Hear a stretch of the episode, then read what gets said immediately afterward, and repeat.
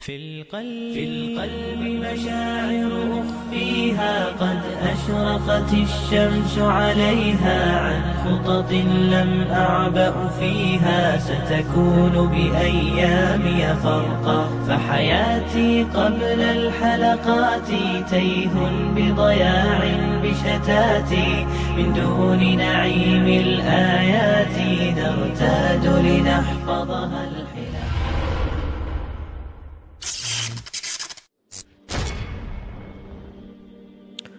Dahulu di Madinah, di Masjid Nabawi, ada segolongan orang yang tinggal di teras Masjid Nabawi yang disebut sebagai Ahlus Sufah. Mereka tidak punya tempat tinggal dan tidak memiliki pekerjaan tetap, tetapi semangat menuntut ilmu dan ibadah mereka adalah yang terbaik. Salah satu dari mereka itu bernama Julaibib. Rasulullah Shallallahu Alaihi Wasallam sangat menyukai Julaibib berdasarkan ketekunan dan kebaikannya. Julaibib sendiri adalah seorang berkulit hitam bahkan lebih hitam dari Bilal bin Rabah. Kemudian perawakannya adalah pendek, dia tidak tinggi seperti orang-orang Arab. Nama aslinya pun hanya Julaibib tanpa bin.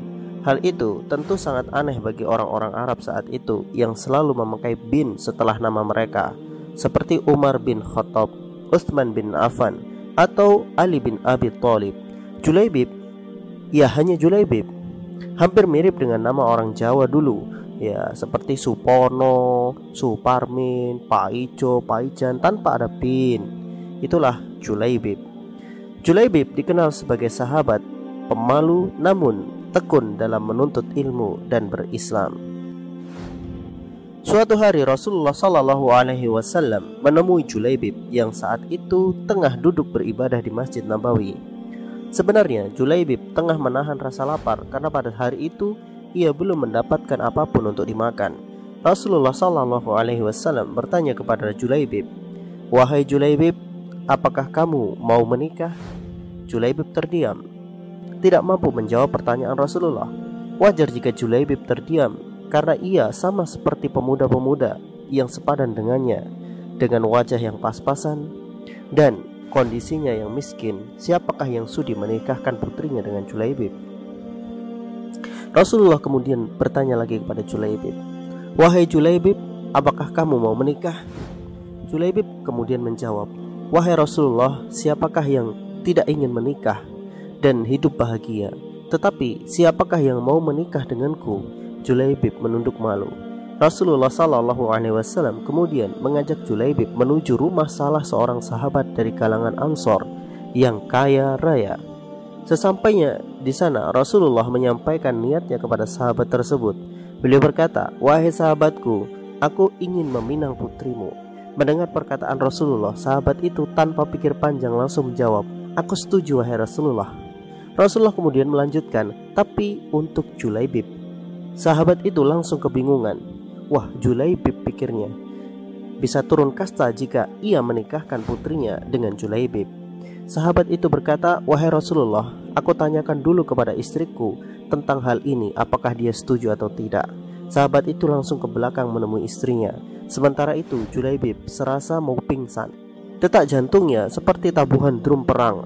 Keringat dingin mengucur dari seluruh tubuhnya. Sementara itu di belakang, sahabat tadi berdiskusi dengan istrinya.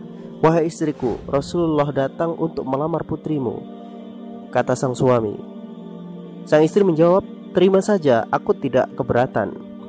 Tapi bukan untuk beliau, melainkan untuk Julaibib, kata sang suami. Mendengar nama Julaibib, sang istri berubah wajah. "Apa? Untuk Julaibib?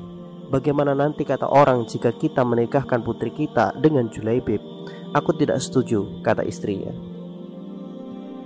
Tanpa disengaja, putri mereka mendengar apa yang mereka diskusikan. Kemudian putri itu menjawab, Wahai bapak dan ibuku, apakah kalian hendak menolak perintah Rasulullah? Tidakkah kalian tahu Rasulullah tidak akan membawa sesuatu kecuali itu pasti yang terbaik? Terimalah lamaran Rasulullah. Demi Allah, aku menerima Julaibib sebagai suamiku, tegas sang putri. Masya Allah, inilah wanita soleha. Dia tidak melihat seseorang pria dari tampilan fisiknya, apalagi harta bendanya. Mereka hanya melihat kebaikan dan kesolehan laki-laki yang melamarnya. Dan bagi kalian para laki-laki, jangan bermimpi mendapatkan wanita soleha hanya dengan berhayal dan melamun saja.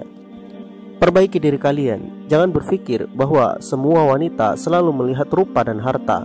Jodoh tidak pernah tertukar. Kalau tertunda, mungkin. Kalau telat, mungkin. Juga bisa jadi. Tetapi janji Allah itu jelas. Wanita yang baik untuk lelaki yang baik, wanita bezina bagi lelaki bezina. Sahabat tadi kemudian menemui Rasulullah dan Julaibib. Dengan wajah yang lebih tenang, beliau berkata, "Wahai Rasulullah, telah kami putuskan bahwa kami menerima lamaran Anda untuk Julaibib. Sekarang kami tunggu tanggal pernikahannya. Itu keputusan Julaibib." Mendengar jawaban sang bapak, Julaibib bagi ketiban durian satu ton.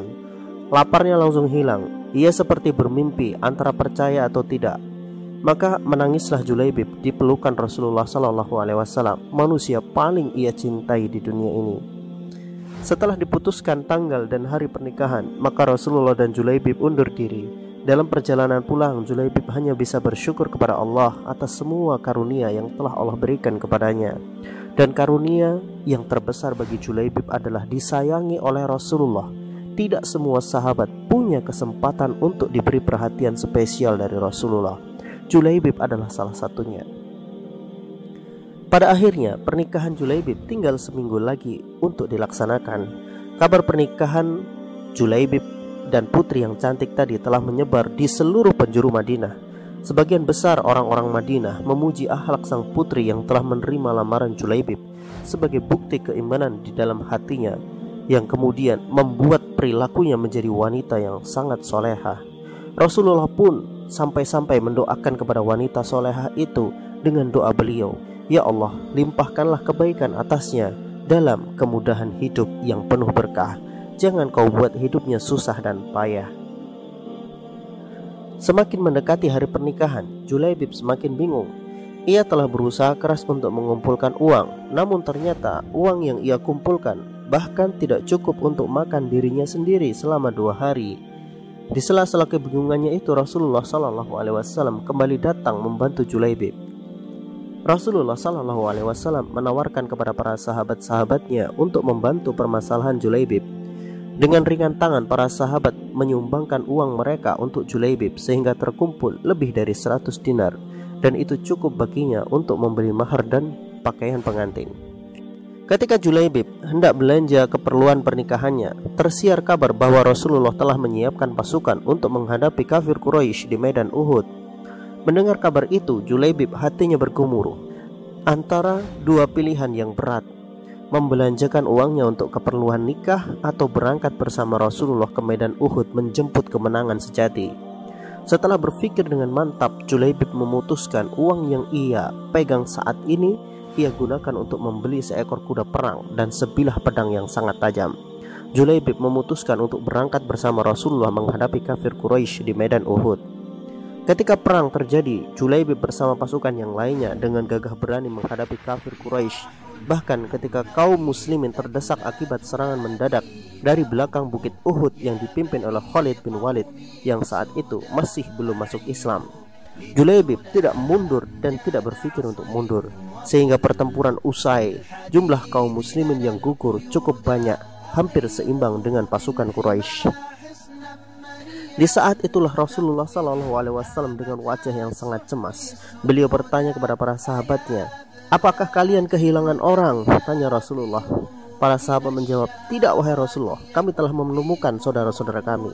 Rasulullah berkata, Sungguh aku telah kehilangan seorang Julaibib. Cariah ia sekarang. Rasulullah Shallallahu Alaihi Wasallam benar-benar cemas dengan seorang Julaibib. Tiba-tiba salah satu seorang sahabat berteriak, Julaibib ada di sini wahai Rasulullah. Rasulullah segera menuju tempat itu dan beliau dapati tubuh Julaibib tertelungkup penuh dengan luka, tusukan dan tebasan pedang. Di sekelilingnya ada tujuh mayat orang-orang kafir Quraisy yang diduga mati di tangan Julaibib. Rasulullah berkata, Julaibib membunuh tujuh orang ini sendirian dan ia juga terbunuh oleh mereka. Rasulullah mengangkat kepala Julaibib dan menyandarkannya di tangan beliau. Binar-binar mata Rasulullah menunjukkan bahwa beliau benar-benar sangat mengasihi Julaibib Sampai-sampai Rasulullah berkata, "Aku ada di dalam hatinya dan dia ada di dalam hatiku," kata Rasulullah Shallallahu alaihi wasallam. Dan beliau mengulangi kata-kata itu sampai tujuh kali. Masya Allah, lihatlah seorang Julaibib, orang yang sangat biasa, bahkan tidak terkenal namanya, tetapi Rasulullah sangat peduli dengannya. Rasulullah tidak melihat rupa Julaibib, tidak pula melihat warna kulitnya. Di mata Rasulullah, kemuliaan seseorang ada pada hatinya. Pada perang Uhud itu Rasulullah Shallallahu Alaihi Wasallam kehilangan dua orang yang sangat spesial di hati beliau, Hamzah pamannya sendiri dan seorang yang datang dari tempat yang jauh, dialah Julaibib. Pasti Anda bertanya bagaimana kabar calon istri Julaibib. Dikisahkan bahwa semua orang akhirnya memahami betapa spesialnya seorang Julaibib. Meskipun Julaibib tidak tampan dan tidak kaya, namun Rasulullah sangat mengistimewakannya. Wanita yang menerima lamaran Julaibib adalah wanita paling beruntung di dunia dan di akhirat. Meskipun pada akhirnya ia tidak menikah dengan Julaibib, wanita itu akhirnya mendapatkan suami yang soleh dan hidupnya dipenuhi dengan keberkahan sesuai dengan doa Rasulullah Sallallahu Alaihi Wasallam untuknya. Wallahu a'lam bishawab.